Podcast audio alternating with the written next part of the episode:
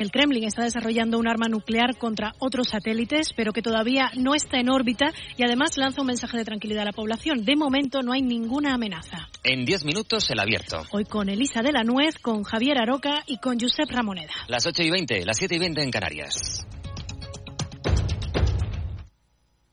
Cadena Ser Catalunya. Cultura a un clic. Esports a un clic. Actualitat a un clic. Entreteniment a un clic. Torna a escoltar. Torna a escoltar. O descobreix contingut exclusiu al web de Ser Catalunya. sercatalunya.cat Allà on vagis, Ser Catalunya t'acompanya. Escolta Ser Catalunya en directe des de qualsevol lloc amb l'aplicació de la cadena Ser. Ser Catalunya. Som a tot arreu. Som al teu costat. Descarrega't l'app de la Ser i busca Ser Catalunya.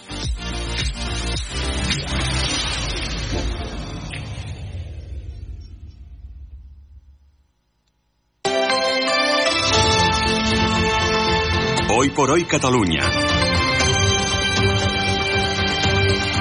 Sergi López. Hola, bon dia. El perill d'incendi a causa de la sequera és el més alt dels últims 30 anys, segons el Departament d'Acció Climàtica. Els boscos no havien estat mai tan al límit com ara, i la vegetació mostra una humitat tan baixa com no s'havia registrat des que hi ha dades. Ara ho ampliem, abans anem amb la informació servei.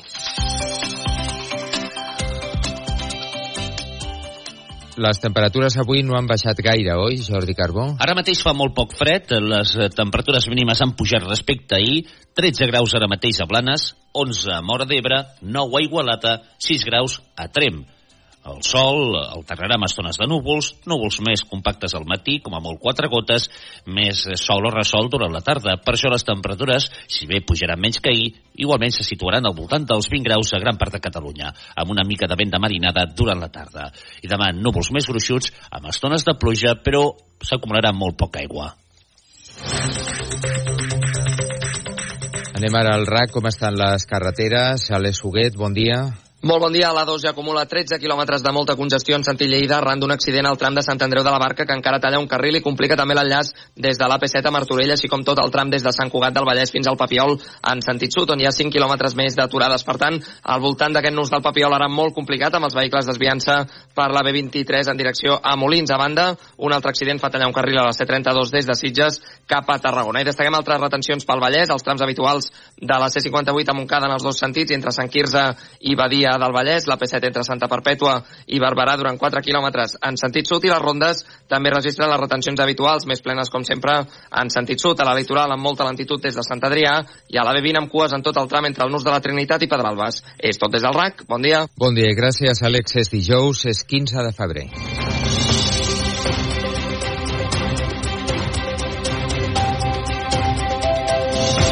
La campanya d'incendis d'enguany es presenta molt complicada per la sequera. Podria ser la pitjor dels darrers 30 anys, segons les estimacions del Departament d'Acció Climàtica. Mai la vegetació havia estat tan seca en un mes de febrer. Mònica Peinado. La falta d'aigua provoca que hi hagi 10.000 hectàrees de vegetació en situació extrema i grans masses boscoses que estan entrant en col·lapse. La directora general de Boscos i Gestió del Medi, Anna Sanitjas, diu que això fa preveure una campanya d'incendis molt complicada una campanya d'incendis desconeguda perquè mai havíem començat amb la vegetació tan seca i una campanya d'extinció d'incendis que pot ser la pitjor campanya dels darrers 30 anys. Acció Climàtica ha començat a talar arbres morts per garantir la seguretat dels usuaris del bosc i per minimitzar el risc d'incendi. La directora de Boscos explica que el Garraf és una de les zones més afectades, però també el nord de Girona, el Barcelonès, el Baix Llobregat i la Catalunya central.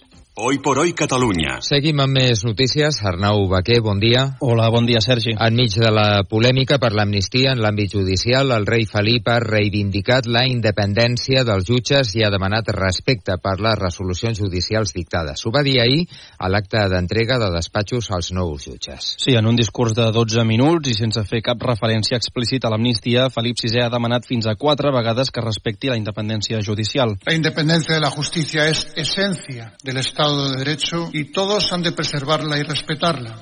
Abans que ell, però, el president interí del Consell General del Poder Judicial, Vicente Aguilarte, va acusar els polítics de ser els responsables directes de la degradació de la institució i va avisar els nous jutges que no tolerin mai ingerències externes. I seguim amb més notícies relacionades amb els tribunals. Segons s'explica avui La Vanguardia, la Fiscalia Superior de Catalunya ha creat una causa única per investigar l'Operació Catalunya. A la causa s'inclou el cas de l'excap dels Mossos, Josep Lluís Trapero, i la que estudia si es va investigar irregularment l'exfiscal cap de la comunitat, Martín Rodríguez Sol.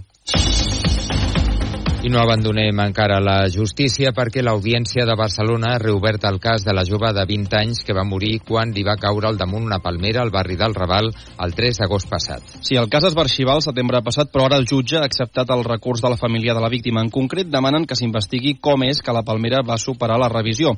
L'acusació particular argumenta que pot existir una responsabilitat per part de l'Ajuntament perquè existeix una denúncia prèvia per part d'un veí del Raval que alertava mesos abans que, que precisament la palmera estava molt inclinada i corria el perill de caure. Catalunya bat un nou rècord i ja suma 140 hubs tecnològics internacionals que generen més de 2.500 milions d'euros i 26.000 llocs de treball. És el sector que més ha crescut en l'últim any i és, el, és aquest, el de les tecnologies aplicades a la salut. Marina Segura. I no para de créixer des de la pandèmia. L'any passat, per exemple, el hub d'AstraZeneca va ser un dels que va aterrar a Barcelona, que concentra la majoria de les multinacionals que obrin una seua a Catalunya. L'impacte econòmic d'aquests hubs, que va créixer un 25% el 2023 respecte de l'any anterior, té a veure amb l'arribada de noves firmes i el creixement sostingut de les que ja estan aquí. El conseller d'Empresa Rote Torrent ha dit que l'estudi elaborat per Mobile World Capital amb la col·laboració d'Acció i l'Ajuntament de Barcelona fa palès el lideratge de Catalunya. Consoliden la posició de Catalunya com un eh, centre de referència al sud d'Europa a nivell de sectors estratègics. El sector dels videojocs és el que concentra un major percentatge d'empreses, el 20% seguit de les companyies de software. Hoy por hoy Catalunya. Setmana clau pels pressupostos de Pere Aragonès. Dimarts el govern es va reunir amb el PSC, ahir ho va fer amb els comuns, avui ho farà amb Junts per Catalunya. Aragonès vol presentar-los aquest mes de febrer i ho vol fer Laura Pons quan el pacte estigui ja tancat. Han sigut reunions de treball que han anat bé, diuen fons del PSC i dels comuns, però els socialistes reiteren l'avís primer cal que es compleixin els acords del 2023. És Alicia Romero, en declaracions a l'Aquí Catalunya. Diguéssim, no estem a les acaballes d'una negociació, ni molt menys. Estem esperant que el govern compleixi els acords als que es va comprometre el 2023 i a partir d'aquí nosaltres, evidentment, podem anar tot lo ràpid que faci falta. Es refereix a la B40 al Hard Rock i a l'ampliació de l'aeroport del Prat. El govern, però, es defensa dient que s'han complert el 90% dels acords del 2023. Les converses també avancen amb els comuns, amb qui aquest dimecres van arribar a un compromís perquè es calendaritzin i executin el que tenen pendent del 2023 per començar a parlar dels del 2024. Un apunt dels esports, sorpresa, ahir el Barça femení van sopegar en l'empat a un contra el Llevant. Sí, curiosament és una fita històrica perquè és la primera vegada en 80 partits que les blaugranes no guanyen a l'estadi Johan Cruyff. I ara amb el Carles Couso recuperem alguns moments de la gala del centenari de la ràdio. Una festa que és sobretot un punt i seguit de tots els que la ràdio encara ha d'explicar i que va tenir convidats com Luis del Olmo i Iñaki Gabilondo. Mil veces que naciera, mil veces intentaría buscar un micrófono. Este señor es el jefe de la tribu y nosotros todos somos los seguidores de él. És una celebració en la que es van sumar professionals d'altres emissores, tampoc hi van faltar les autoritats polítiques, com l'alcalde de Barcelona, Jaume Cuiboni, que posava en valor la simbiosi de la ràdio i la ciutat de Barcelona. La ciutat, la ciutat de Barcelona va veure néixer la ràdio, Ràdio Barcelona, i que hem seguit eh, sent una ciutat molt radiofònica, no?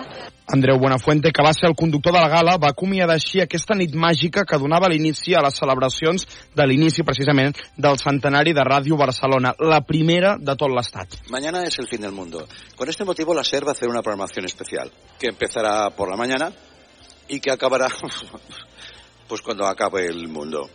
Lo que sí está claro es que incluso en estas penosas circunstancias, la radio hasta el fin del mundo. Doncs la ràdio hasta el fin del mundo, deia l'Andreu Buenafuente. Però això serà d'aquí 100 anys, segons vaticinava ell mateix a la gala. De moment, la ràdio continua i continuarà, al món esperem que també, eh, amb canvis dintre del que és l'Oi por Oi Catalunya. El Carles Couso és l'últim dia avui que està amb nosaltres. Gràcies, Carles. Gràcies a tu, Sergi. A partir d'avui el sentireu a l'Aquí Catalunya. Moltes gràcies per aquest temps. L'Arnau Baquer és que s'incorpora en el seu lloc. Nosaltres ho deixem aquí. Demà continuem amb més Oi por Oi, amb més Aquí Catalunya. La SER continua. Dos quarts de nou del matí. Eh, que tingueu molt bon dijous.